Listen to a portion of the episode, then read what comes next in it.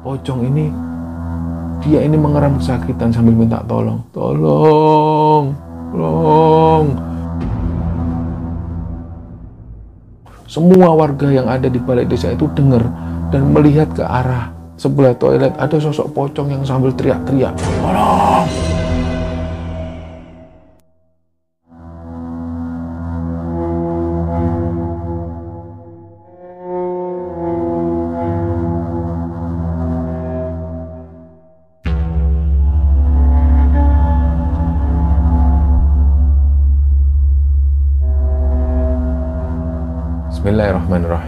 Assalamualaikum warahmatullahi wabarakatuh. Sobat Kembaran Sunyi di mana pun berada Pada kesempatan kali ini saya akan menceritakan sebuah cerita yang masih ada hubungan dengan episode sebelumnya yaitu Sumpah Pocong Mbah Murti. Di mana cerita kali ini akan menceritakan uh, gimana masa lalu tentang Pak Bejo dan gimana akhir cerita dari cerita ini. Jadi untuk teman-teman yang sedang menonton tayangan ini dan belum juga subscribe, yuk Subscribe sekarang juga agar kami lebih bersemangat lagi dalam membuat konten terbaru di Kembara Sunyi. Dan untuk teman-teman yang telah mendukung kami sejauh ini, kami ucapkan terima kasih banyak dan semoga amal kebaikan teman-teman dibalas kebaikan berlipat oleh Allah Subhanahu wa taala.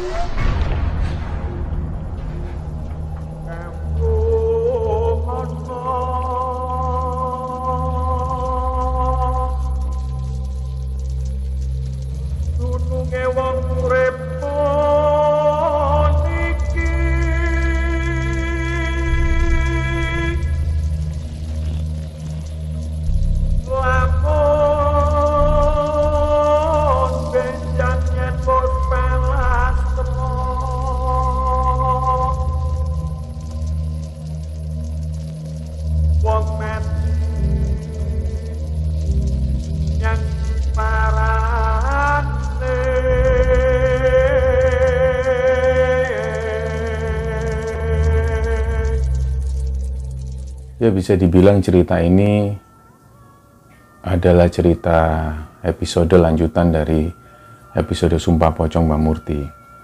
Jadi untuk teman-teman yang belum nonton episode Sumpah Pocong Mbak Murti, silahkan ditonton lebih dulu karena cerita yang mau tak ceritakan ini ada hubungannya dengan cerita di episode Sumpah Pocong Mbak Murti. Jadi di episode itu banyak sekali pertanyaan kenapa pada waktu itu Pak Bejo ini nggak dihukum? Atau kenapa kok bukan Pak Bejo yang menjalani ritual sumpah pocong itu? Jadi pada waktu warga desa menuju ke rumah Pak Bejo dan menggerebek rumahnya, di situ Pak Bejo ini berhasil menghasut warga. Jadi Pak Bejo itu berhasil membuat tipu daya pada warga bahwa seolah-olah Pak Bejo ini nggak tahu apa-apa. Jadi seolah-olah Pak Bejo ini minta tolong ke Mbah Murti dan Bejo bilang kalau saya itu sebenarnya nggak niat nyantet Pak Suko, tapi Mbak Murti itu yang nyuruh saya untuk nyantet. Jadi saya itu sebenarnya nggak tahu apa-apa Pak. Di situlah warga desa ini seperti tertipu dan pada akhirnya menuju ke rumah Mbak Murti. Dan sampai pada akhirnya Mbak Murti lah yang dijadikan tersangka dan akhirnya Mbak Murti yang menjalani ritual sumpah pocong itu. Jadi kebenarannya seperti apa nanti ada di akhir cerita. Dan pada waktu itu, malam setelah Mbah Murti meninggal itu banyak orang-orang ini yang mengaku didatangi sosok Mbah Murti. Terutama Mak Asi ini. Hampir setiap malam Mak Asi ini selalu didatengin sosok Mbah Murti. Jadi begitu Mak Asi ini keluar, dia ini sudah ngelihat sosok Mbah Murti ini duduk di atas kursi goyang seperti itu. Dan ketika ditanya, Mbah, lapo kok nang kini? Mbah Murti itu langsung melotot ke arah Mak Asi seolah-olah marah tapi waktu itu Mak Asi nggak tahu ini kenapa kok Mbak Murti ini selalu datang hampir tiap malam. Nah sampai pada satu ketika Mak Asi ini mimpi dia didatengin Mbah Murti dengan di belakang ini ada sosok tinggi besar yang seolah-olah mencekik leher dari Mbah Murti itu. Dan waktu itu Mbah Murti uh, melambaikan tangannya ke Mak Asi. Sih, tolong sih, sih. Iki kelakuannya bejo sih, kelakuannya bejo. Nah, waktu itu dalam mimpi itu Mas ini sempat sadar loh. Ono opo mbak, opo o bejo mbak, bejo di bejo ya aku ngene sih. Jadi Mbah Murti sempat bilang seperti itu dalam mimpinya Mak Asi. Dan ketika bangun, pagi harinya itu Maasi langsung bergegas menuju ke rumah kepala desa. Ya rencananya memang Maasi ini sekedar ingin ngobrol dengan Bapak Kepala Desa tentang mimpi yang dialami oleh Maasi. Pagi itu ketika Maasi datang ke rumah Bapak Kepala Desa, ternyata di situ sudah ada dua orang warga lainnya yang sedang ngobrol dengan Bapak Kepala Desa. Waktu itu Pak Kepala Desa langsung kaget dengan kedatangan Maasi. Jadi Bapak Kepala Desa itu loh, Maasi, sini mak, monggo mak, duduk mak. Ini kebetulan kita ini lagi ngomongin Mbah Murti. Oh iya tak pak, iya. Kenapa Maasi ke sini mau ngapain? Nah di situlah Maasi cerita gini pak, saya itu hampir tiap malam itu selalu didatengin sosok Mbah Murti dan seolah-olah beliau ini kayak marah ke saya. Tapi pas waktu datang di mimpi, Mbah Murti itu kayak dibekap sosok tinggi besar dan ada taringnya. Mbah Murti itu sempat bilang kalau semua ini kelakuannya Pak Bejo. Jadi gimana ya Pak solusi dari Bapak Kepala Desa? Nah waktu itu Bapak Kepala Desa langsung menyepakati. Nah ini dia Mak. Jadi Mak sebenarnya kami ini lagi ngomongin tentang Mbah Murti dan ada beberapa warga itu yang nggak terima kalau Pak Bejo ini nggak dihukum. Karena gimana pun juga Pak Bejo inilah yang membuat perkara ini. Sampai ada perkara Pak Suko sampai meninggal dengan adanya santet. Terlepas siapa pun yang melakukan Pak Bejo ini harus kita uh, kejar gimana ceritanya.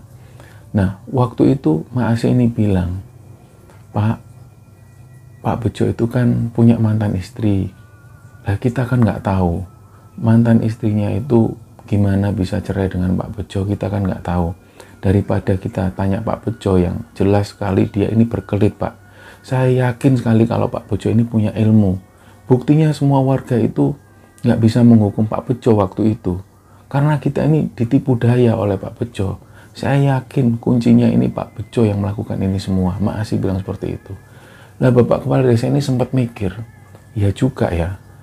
Ya sudah sekarang posisi mantan istrinya Pak Bejo ini di mana? Loh kan beliau kan kerja di tokonya Pak Toto di toko oleh-oleh. Nah jadi Pak Bejo ini punya mantan istri. Kebetulan ini adalah mantan istri Pak Bejo yang kedua dan beliau sempat tinggal di desa itu dan kerjanya sehari-hari di toko oleh-oleh Pak Toto nah semenjak perceraiannya dengan Pak Bejo itu uh, orang yang bernama Busri ini mantan istrinya Pak Bojo itu sehari-hari tinggal di rumah Pak Toto, ditinggal di asramanya uh, Pak Toto, di mana Pak Toto ini mengelola toko oleh-oleh dan Pak Toto sendiri dulunya adalah warga desa situ juga. Nggak lama setelah itu langsung mereka cepat-cepat untuk menyusun strategi. Ya sudah kalau gitu kita ke sana menemui Busri.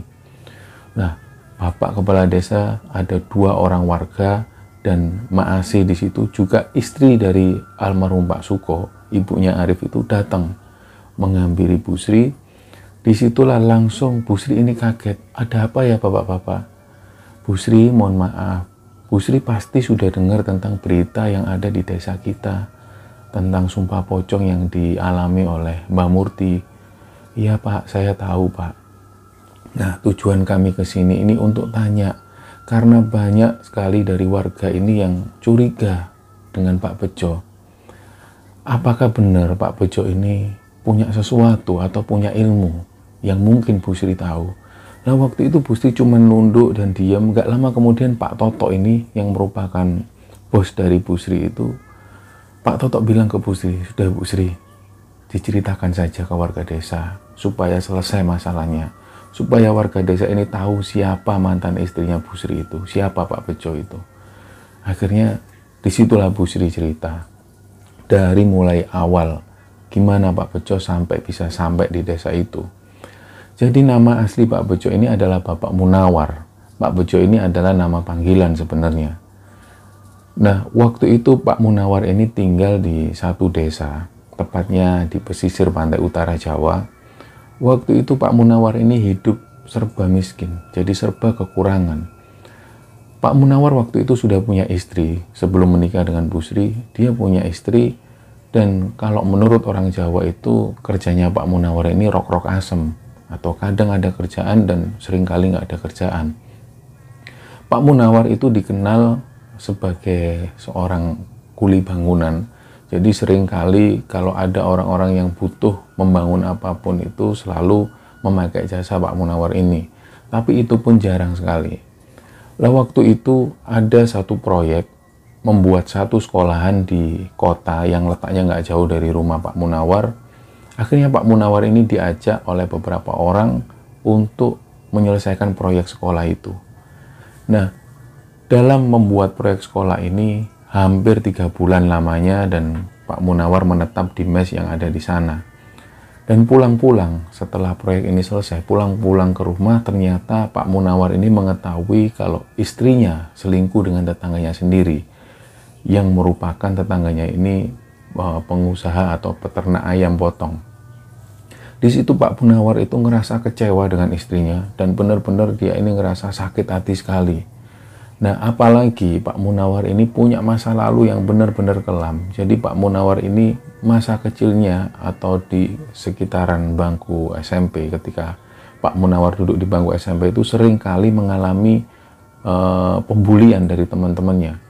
Jadi pada saat sekolah sering kali dipukuli, tapi Pak Munawar ini nggak bisa balas waktu itu. Karena memang Pak Munawar ini terkenal orangnya licik. Jadi dia nggak berani melawan sama teman-temannya. Itu pun terjadi ketika Pak Munawar duduk di bangku SMA, dia sering kali dipukuli oleh teman-temannya dan dia nggak bisa ngelawan. Nah puncak-puncaknya ketika Pak Munawar ini menikah dan istrinya selingkuh. Waktu itu Pak Munawar sudah nggak bisa ngapa-ngapain lagi dan langsung pada saat itu juga Pak Munawar menceraikan istrinya. Setelah itu istrinya nggak lagi tinggal di sana dan Pak Munawar ini masih tinggal di situ. Beberapa bulan setelah perceraian Pak Munawar dengan istrinya itu, ada tawaran dari orang-orang di desa sekitar bahwa ada proyek pembangunan pertokoan di daerah Indonesia Timur yang memerlukan banyak tenaga kerja. Waktu itu Pak Munawar jadi bagian dari kuli-kuli itu. Ada sekitar 30 orang diberangkatkan menuju ke sana menggunakan kapal dan begitu sampai mereka ini disediakan satu mes di sana Nah hari pertama memang mereka hanya sekedar jalan-jalan untuk menikmati suasana yang ada di sana. Begitu Pak Munawar ini tahu bahwa mes atau lokasi kerjanya ini dekat dengan pantai atau laut. Pak Munawar ini senang sekali karena beliau ini juga suka mancing di sana. Nah akhirnya proyek pun dimulai, pembangunan sudah dimulai. Selang beberapa hari kemudian, setiap sore, setiap mengakhiri pekerjaan, Pak Munawar ini selalu menyempatkan mancing di pantai itu. Jadi hampir tiap sore Pak Munawar ini bawa alat pancing untuk mancing di sana. Ketika dapat ikan, malamnya dibakar dengan teman-temannya ikan itu. Nah sampai satu ketika, saking seringnya Pak Munawar ini mancing di lokasi itu, Pak Munawar ini kenal dengan beberapa penduduk sekitar. Dan ada satu orang penduduk yang ada di situ yang sering kali juga mancing di sana. Pak Munawar ini saking seringnya dan mereka mulai kenal dan akrab. Nama orang ini adalah Pak Jalu. Dari Pak Jalu inilah uh, Pak Munawar ini sering kali ngobrol, sering kali diskusi seputar dunia mancing maupun sekitar kehidupan dari mereka berdua. Pak Jalu ini mengaku pada Pak Munawar kalau dia ini tinggal sendirian di tempat itu. Jadi dia nggak punya sanak keluarga, dan sehari-hari dihabiskan dengan aktivitas mancing di laut. Waktu itu saking seringnya, jadi satu bulan berada di sana, Pak Munawar hampir setiap hari ketemu dengan Pak Jalu ini. Sampai akhirnya Pak Munawar itu tidak terasa cerita tentang masa lalunya. Bahwa di bangku SMP dia sering dipukuli teman-temannya, di bangku SMA sering dipukuli. Sampai puncak-puncaknya itu Pak, istri saya itu ninggalin saya dia selingkuh sama tetangga saya yang juragan ayam potong. Mungkin karena faktor ekonomi Pak, saya ini kerjanya kalau kata orang Jawa rok-rok asem. Di situ Pak Munawar cerita pada Pak Jalu dan waktu itu Pak Jalu cuma melihat seperti iba kepada Pak Munawar. Dan waktu itu Pak Jalu bilang, Pak Munawar, kalau sampean mau, besok malam kita mancing di daerah sana. Jadi di situ ada bukit dengan ukuran besar seperti batu karang dan Pak Jalu ini menunjukkan arah. Kalau Bapak pengen mau nanti tak hibur, sudahlah lupain masalah-masa lalu yang seperti itu. kita mancing di sana. Di sana ini ikannya terkenal besar-besar, tapi memang harus malam hari. Lah, Pak Munawar tanpa menolak sedikit pun, oke okay, Pak, besok malam ya. Ya, besok malam tak tunggu di sini. Akhirnya besok malam Pak Munawar datang di sana dan ada Pak Jalu yang sudah bawa alat pancing.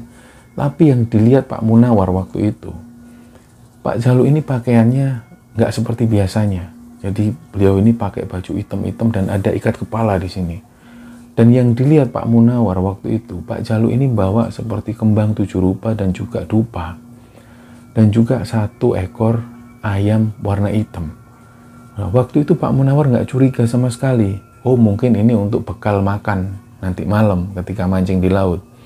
Jadi mereka pun berangkat menuju ke karang di balik karang itu ada satu gua kecil di situ. Mereka mancing di sana dan sambil mancing Pak Jalu ini terus tanya kepada Pak Munawar.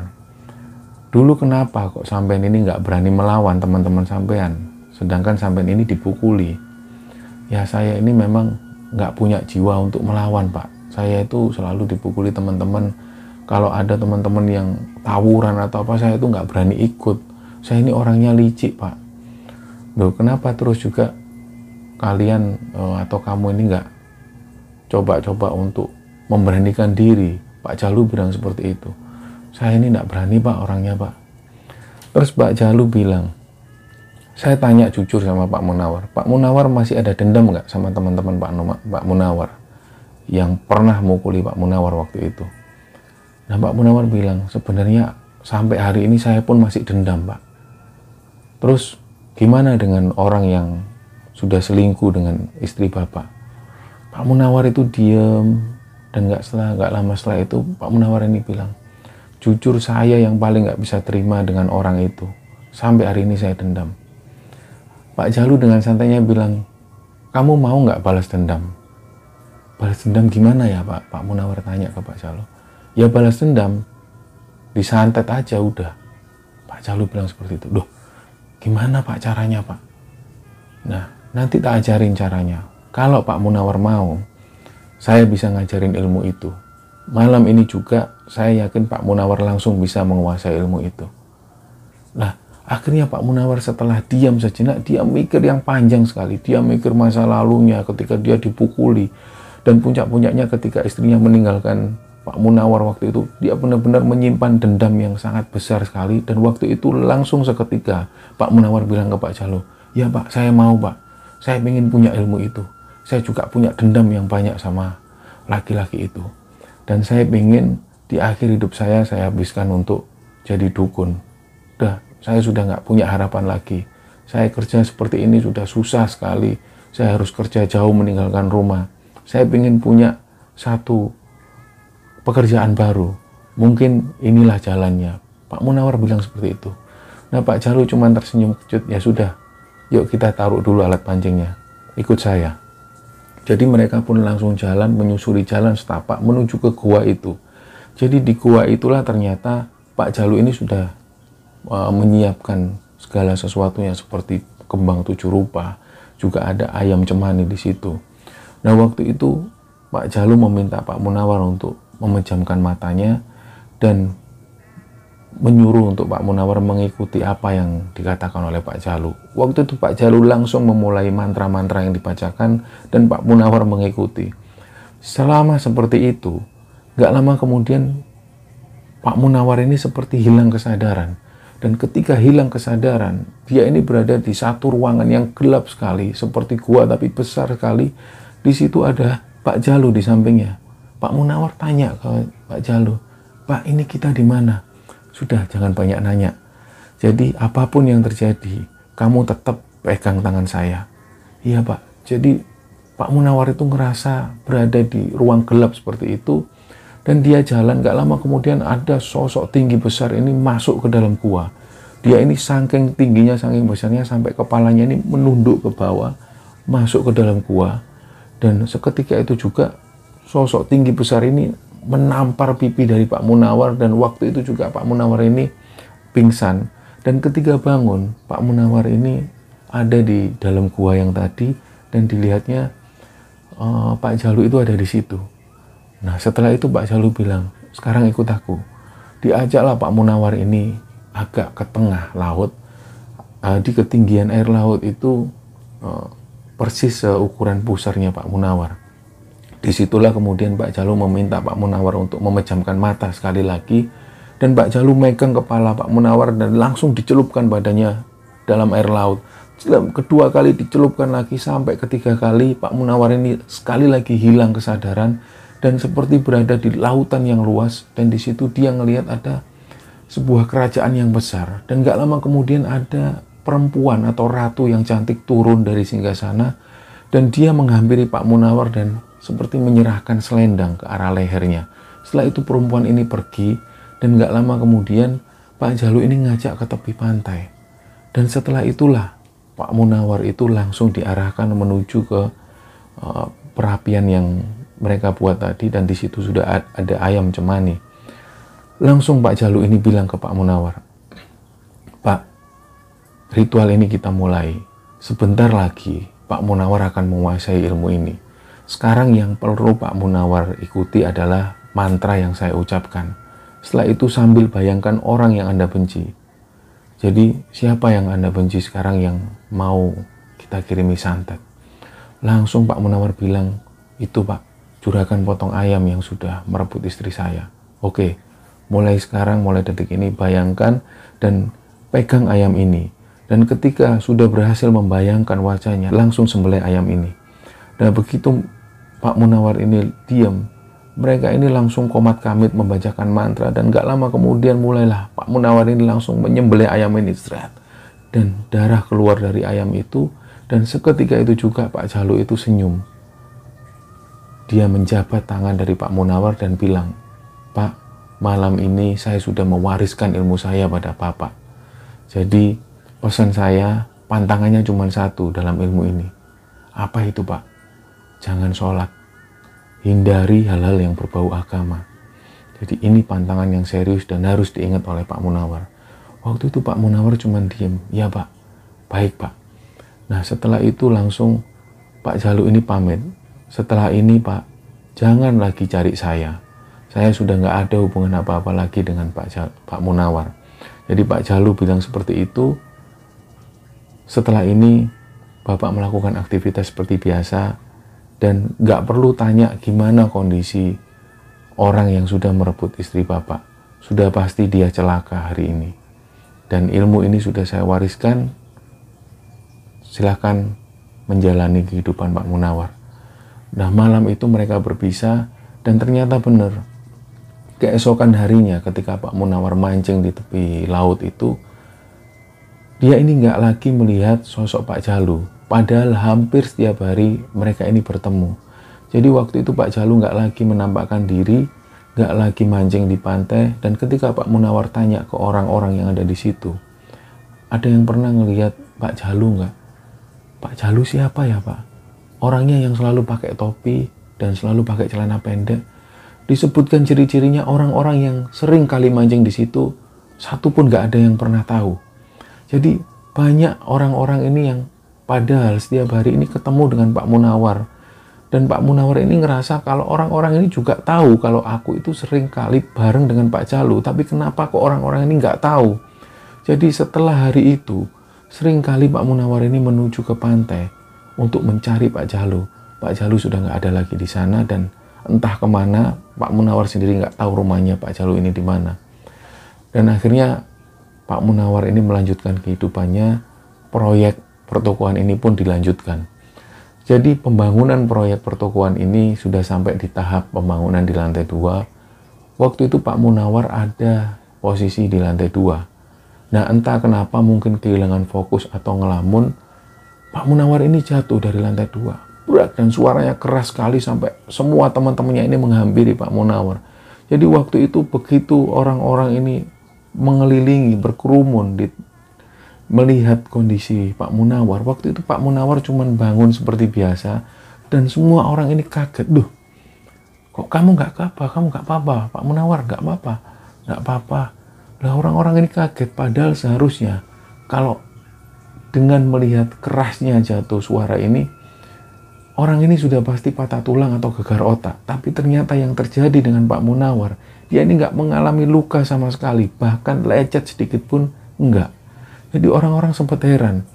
Lah, pada saat itulah julukan Pak Bejo ini melekat pada Pak Munawar. Dan setelah hari itu, Pak Munawar ini dipanggil dengan sebutan Pak Bejo.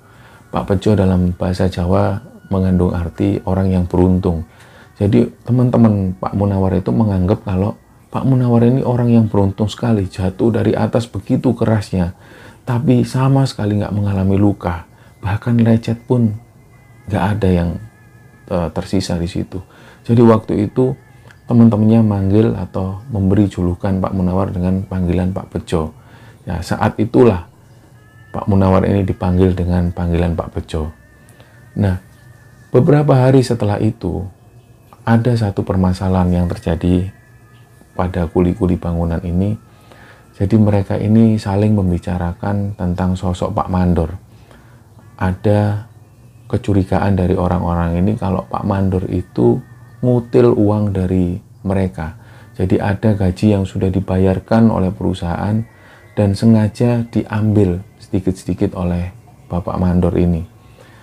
Kuli-kuli bangunan yang ada di situ curiga dengan Pak Mandor karena banyak laporan dari orang-orang kalau Pak Mandor lah yang istilahnya mengkorupsi uang-uang dari kuli ini. Nah waktu itu mereka mendatangi Mandor dan mereka bilang, Pak, saya mau minta hak-hak saya. Kenapa kok hak-hak saya ini diambil? Seharusnya Bapak menyerahkan semua, jangan diambil. Lah Pak Mandor bilang, itu untuk biaya administrasi. Ya jangan gitu Pak, perjanjiannya nggak seperti itu. Nah di situ kebetulan ada Pak Bejo. Pak Bejo sekali lagi bilang ke Bapak Mandor ini, Pak, tolonglah Pak, kami ini orang susah. Jauh-jauh dari Jawa ke sini untuk kerja. Jangan lagi kami ini dikorupsi uang hasil keringat kami. Jadi waktu itu Pak Mandor ini dengan santainya sambil merokok dia bilang, ya sudah kalian mau apa sekarang? Kalian mau lapor ke polisi, silahkan. Kalian mau tuntut saya, silahkan. Wong kalian ini cuma orang kecil. Kalian ini cuma keset di sini. Pak Mandor bilang seperti itu. Nah, perkataan Pak Mandor inilah yang membuat tersinggung orang-orang di situ, terutama Pak Bejo. Waktu itu Pak Bejo langsung nunjuk muka dari Pak Mandor, dia bilang, kalau kamu nggak nyerahkan hak-hak kami, kamu akan tahu akibatnya. Jangan panggil bejo kalau kamu nggak akan merasakan akibatnya. Di situ mereka pergi dan kemudian mereka pada saat di mes ini Pak Bejo bilang ke teman-temannya, ini aku mau bikin perhitungan sama Pak Mandor itu. Malam ini kalau dia nggak celaka, jangan panggil nama Bejo. Nah teman-temannya Bejo ini sempat bingung dengan apa yang dikatakan Pak Bejo loh Emangnya gimana Pak Bejo? Udahlah. Mereka nggak tahu kalau aku ini punya sesuatu. Nanti malam tolong salah satu dari kalian beli alam ayam cemani. Tolong bawa ke sini, kita lakukan ritual. Nah teman-temannya bingung. Lah emangnya kamu ini bisa apa Jo? Sudahlah, nurut sama aku. Kalian kan merasa juga marah sama Pak Mandor itu. Akhirnya teman-temannya nurut dan malam itu dibelilah ayam cemani. Ketika dibawa di depan Pak Bejo itu, mereka semua ini ngelihat. Jadi semua teman-temannya Pak Bejo itu ngelihat Pak Bejo melakukan ritual itu.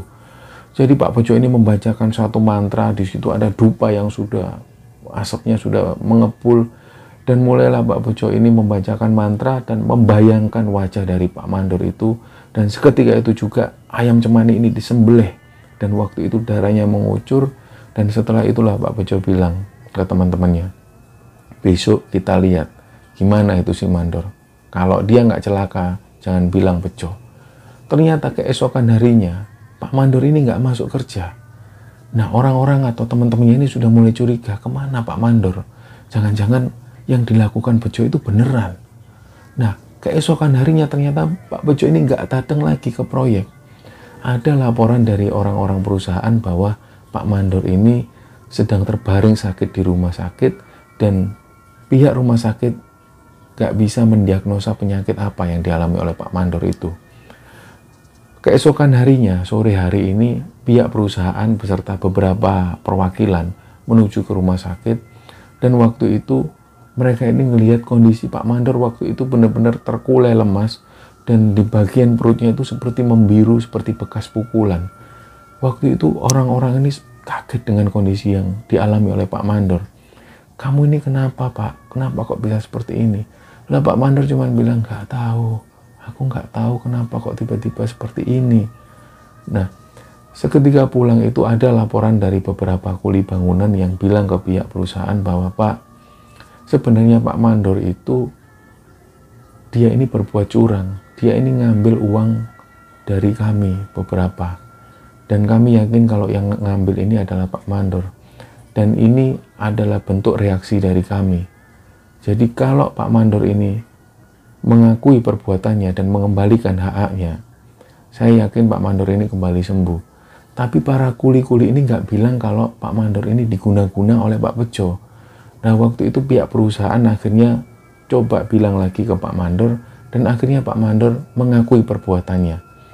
Keesokan harinya uang-uang yang sudah diambil oleh Pak Mandor itu dikembalikan ke para kuli dan waktu itu teman-temannya bilang ke Pak Bejo, Jo, ini kan uangnya sudah dikembalikan.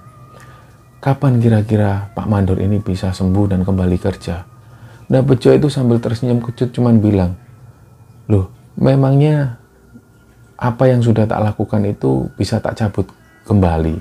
Ya nggak bisa, biarin orang itu seperti itu, biar dia nanggung akibatnya. Nah temen-temennya ini kaget, lu yang bener Jo, kamu jangan kayak gitu, kasihan. Udah biarin aja. Ternyata berhari-hari setelah kejadian itu, Pak Mandor ini belum juga sembuh. Sakitnya semakin parah dan pihak dari rumah sakit nggak bisa mendiagnosis sakit apa dia ini. Sampai kemudian ada satu saat Pak Mandor ini meninggal dunia. Waktu itu semua orang ini semakin percaya dengan apa yang dilakukan oleh Bejo itu. Dan semua orang ini mengakui kalau Bejo ini punya ilmu hitam. Nah, tapi orang-orang ini masih belum tahu ilmu hitam yang dipelajari oleh Pak Bejo ini berasal dari mana. Gak ada yang tahu. Sampai kemudian mereka kembali pulang ke Jawa dan waktu itu Pak Bejo ini memutuskan untuk pindah kota ke Jawa Timur. Di situ Pak Bejo ini kenal dengan namanya Busri ini. Dan ketika kenal, mereka pun menikah. Di situlah Pak Bejo ini cerita semuanya tentang masa lalunya dari mulai kecil sampai dia kerja di satu proyek sampai uh, Pak Bejo ini mendapatkan ilmu dari mana semua diceritakan ke Busri. Waktu itu Busri belum bisa terima, tapi ada pesan kepada Pak Bejo.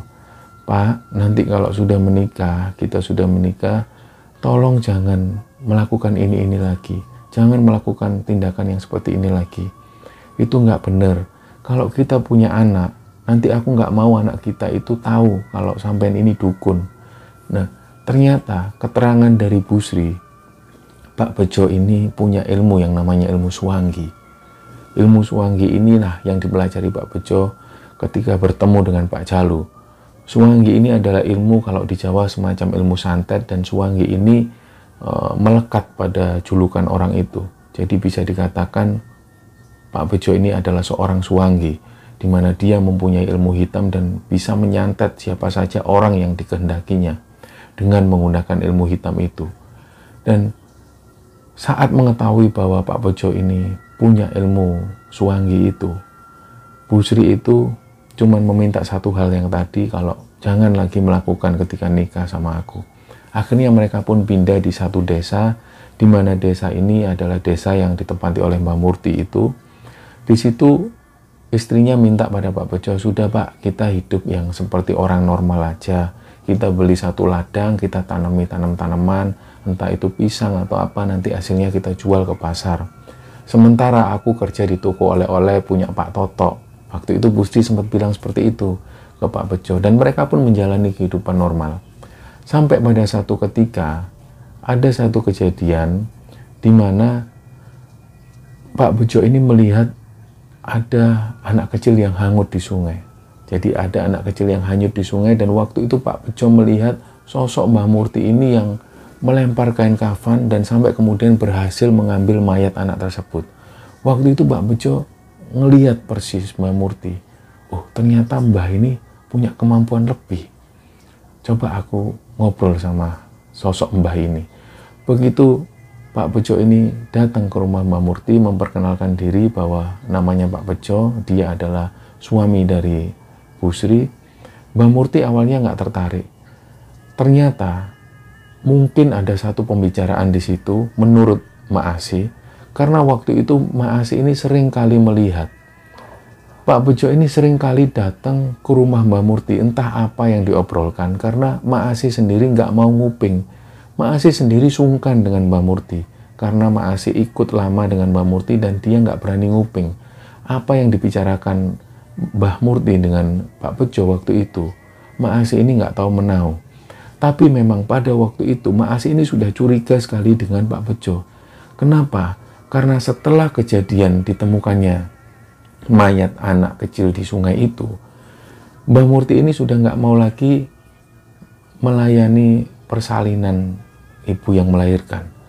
Entah ada hubungannya apa enggak dengan datangnya Pak Bejo di rumah Mbah Murti, tapi Mak Asi ini berkeyakinan kuat kalau setelah kejadian itu, Pak Bejo ini sering kali datang ke rumah Mbah Murti. Dan Mak Asi ini juga curiga awalnya Mbah Murti ini nggak punya kemampuan atau nggak punya kelebihan apa pun seperti menyantet orang. Tapi setelah kedatangan Pak Bejo ke rumah Mbah Murti dan sering sekali, banyak sekali tamu yang datang.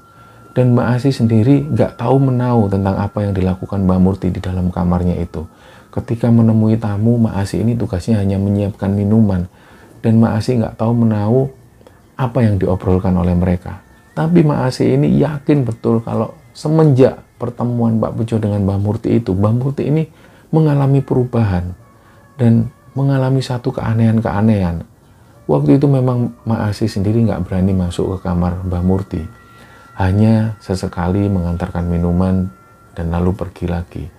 Nah setelah kejadian itu, orang-orang yang ada di situ, Bu Sri terutama bilang kalau ya memang Bu Sri ini mengakui ke Bapak Kepala Desa dan semua yang ada di situ termasuk Maasi juga istri dari Pak Suko.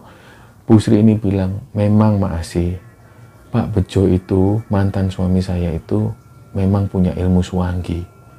Dan orang ini memang sangat bahaya. Kenapa saya bercerai dengan Pak Bejo? Karena waktu itu saya itu memergoki Pak Bejo ini bawa ayam cemani. Malam-malam itu Pak Bejo ini bawa ayam cemani dan saya tanya, mau ke mana Pak malam-malam gini? Wis kamu nggak usah ikut campur, mau ke rumahnya Mbak Murti. Pak jangan aneh-aneh lagi Pak, kamu kan sudah janji ke aku untuk nggak aneh-aneh lagi. Waktu itu Pak Bejo ini seolah cuek dengan apa yang dikatakan oleh Busri. Dan waktu itu Pak Bejo ini sempat mengutarakan sesuatu ke Busri. Wis kamu itu nggak usah banyak omong. Kalau kamu nggak terima sudah pergi dari sini. Kita cerai. Lah, dari situlah Busri ini tersinggung dan dia langsung meminta cerai. Setelah perpisahan itulah, kemudian Busri ini nggak lagi ketemu dengan Pak Bejo. Di situ Busri cerita semuanya bahwa memang benar suaminya ini punya ilmu hitam. Dan apa yang terjadi waktu itu ketika warga menggerebek rumah Pak Bejo, Busri ini yakin kalau ya itu kelakuan Pak Bejo. Semua warga kampung itu ditipu daya oleh Pak Bejo. Pak Bejo ini punya ilmu semacam hipnotis, Pak.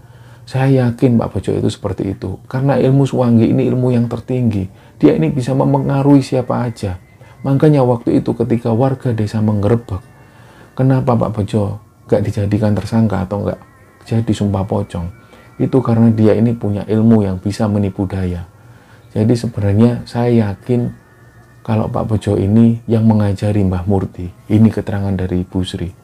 Nah setelah itu warga ini langsung pulang menuju ke desa saat itu juga Bapak Kepala Desa ini meminta bantuan kepada Yai Kufron. Diutarakan semua bahwa kejadiannya seperti ini, ini, ini. Apa yang terjadi dengan Pak Suko itu perbuatan dari uh, Mbah Murti dan disinyalir Mbah Murti ini diajari ilmu hitam oleh Pak Bejo.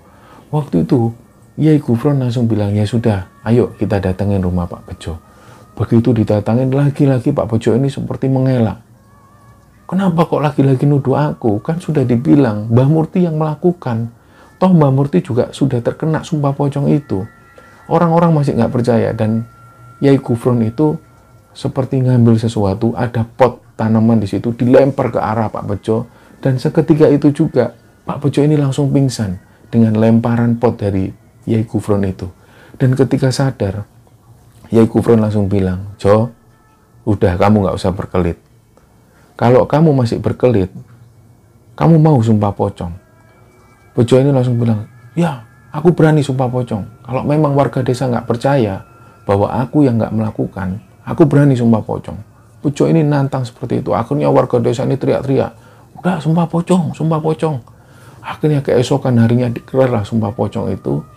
Begitu Bejo ini proses dimandikan sebelum dikafani, Yai Kufron itu ngambil oh, daun kelor dan minta tolong untuk dipukulkan ke arah kaki dan juga badan dari Pak Bejo.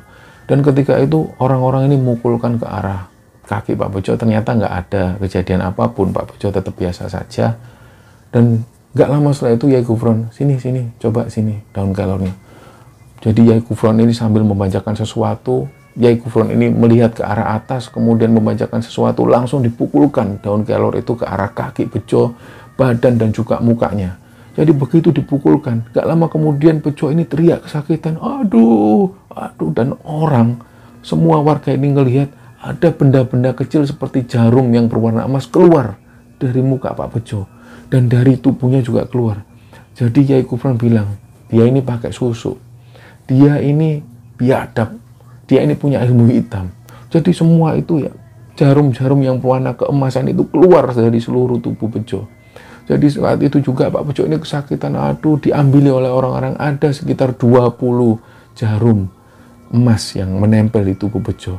Dan ketika keluar, sudah lanjut dilakukan prosesinya. Yai Kufron bilang seperti itu. Setelah itu pun Bejo ini dikafani dan disuruh mengucapkan kalimat syahadat oleh orang-orang. Tapi ternyata Pak Bejo itu nggak bisa sama sekali mengucapkan kalimat syahadat karena pengakuan dari Pak Bejo, saya ini sudah hampir puluhan tahun nggak pernah mengucapkan kalimat itu. Saya nggak pernah menyembah Tuhan, saya nggak pernah menyembah Allah. Nah, waktu itu orang-orang cuma istighfar astagfirullahaladzim. Ya sudah Pak, dituntun aja Pak, suruh syahadat Pak.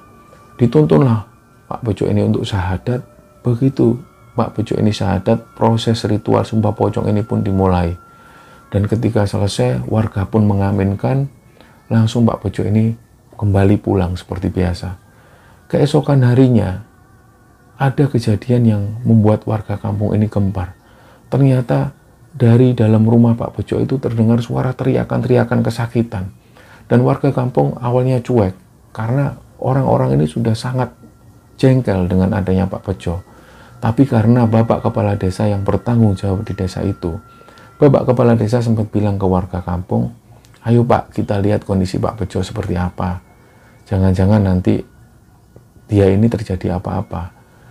Dari dua hari setelah Sumpah Pocong itu, warga kampung dengan Bapak Kepala Desa mendatangi rumah Pak Bejo, dan ketika masuk mereka semua terkejut bahwa Pak Bejo ini dari wajahnya ini lebam-lebam seperti bekas pukulan. Jadi wajahnya membiru, tangannya ini membiru seperti bekas pukulan. Padahal nggak ada satupun orang yang masuk ke rumah Pak Bejo. Di situ Pak Bejo ini mengeram kesakitan. Gimana Jo? kamu mau dibawa ke rumah sakit. Aduh, aduh.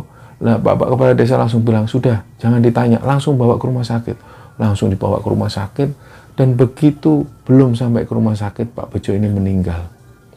Setelah itulah langsung Pak Bejo ini uh, dilakukan proses pemandian jenazah dan dikafankan seperti biasa dan langsung dimakamkan di makam setempat. Setelah kejadian itu, warga desa itu agak lega dengan meninggalnya Pak Bejo karena semakin jelas bahwa nggak ada lagi tukang santet di desa ini bahwa sebenarnya ternyata selama ini Pak Bejo lah yang punya ilmu suwangi itu nah dua hari setelah kematian dari Pak Bejo itu ada warga kampung itu yang ngerasa didatengin jadi waktu itu mereka duduk-duduk di depan rumah ada sekitar tiga orang mereka ini lagi ngobrol santai dan nggak lama obrolan itu menjurus ke obrolan uh, Pak Bejo. Jadi mereka bilang, lah yo, aku itu nggak percaya kalau Bejo itu ternyata suwangi. Dia itu tukang santet. Iya, kurang ajar itu. Kok bisa dia itu bikin sesuatu di desa ini, padahal dia ini kan pendatang.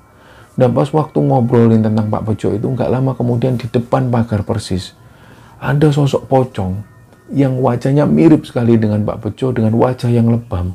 Dan pocong ini dia ini mengeram kesakitan sambil minta tolong. Tolong tolong.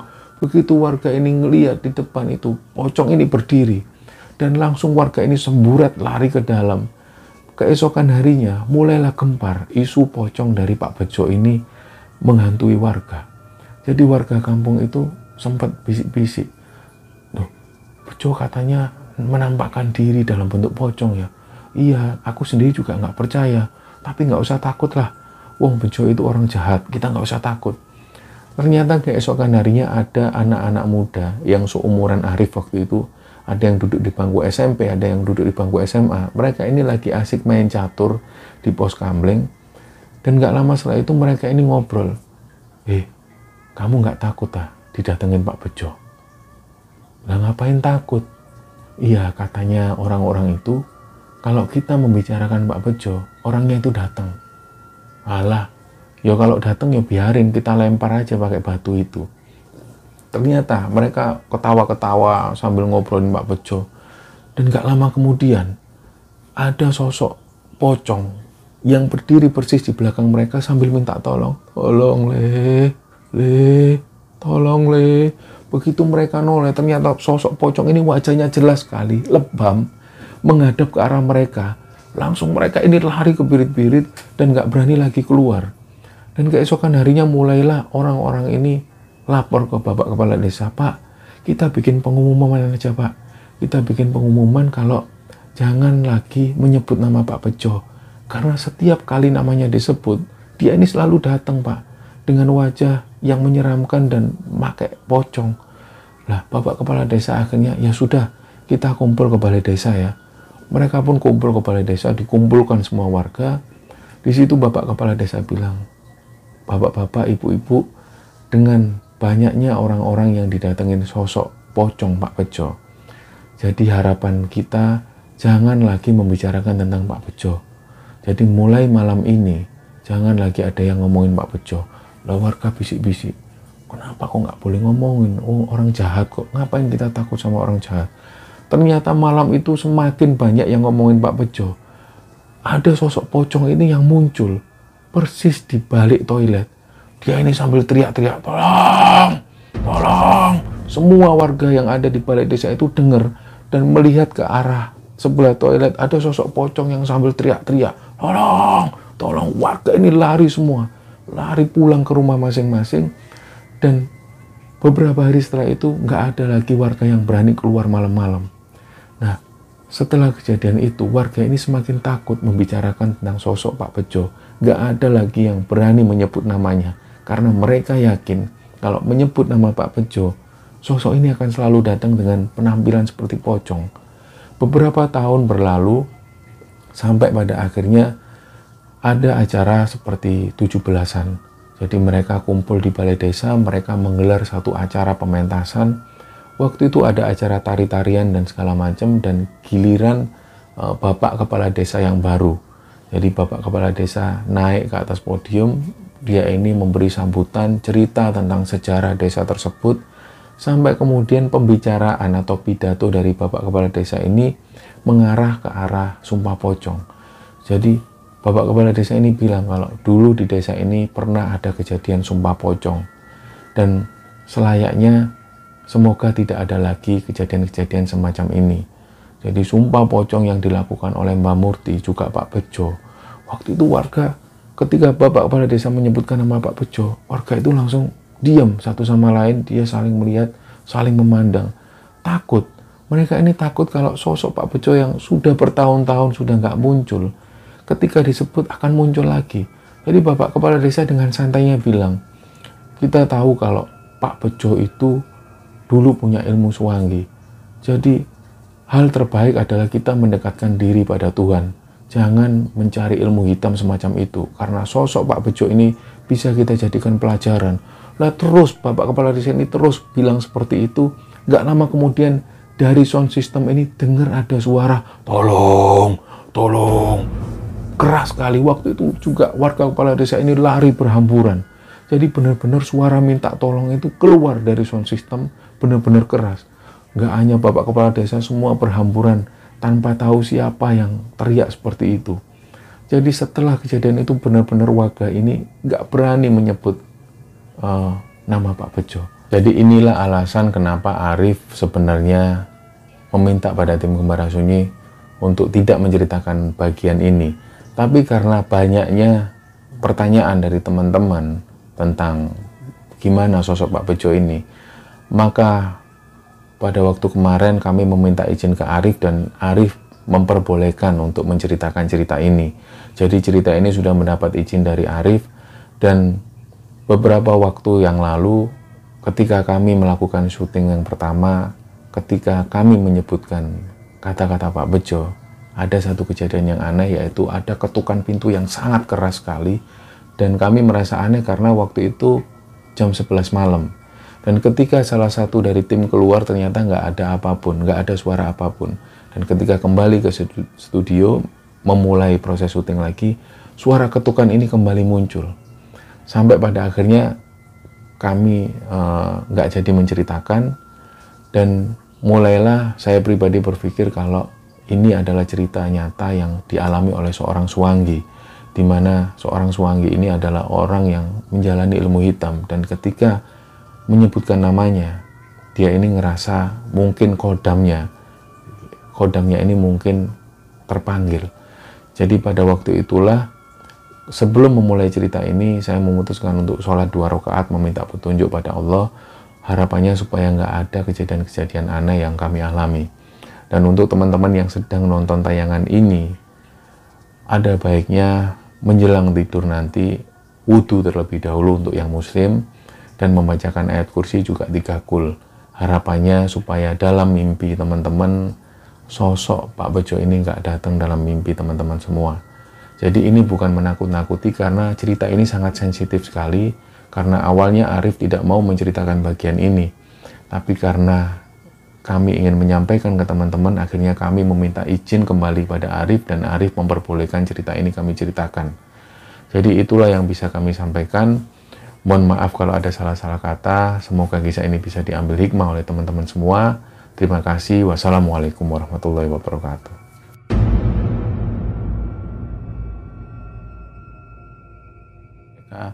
Uh, mengerjakan proyek bersama. Jadi di situ mereka tinggal, mulailah pengerjaan proyek pembangunan pertokoan itu.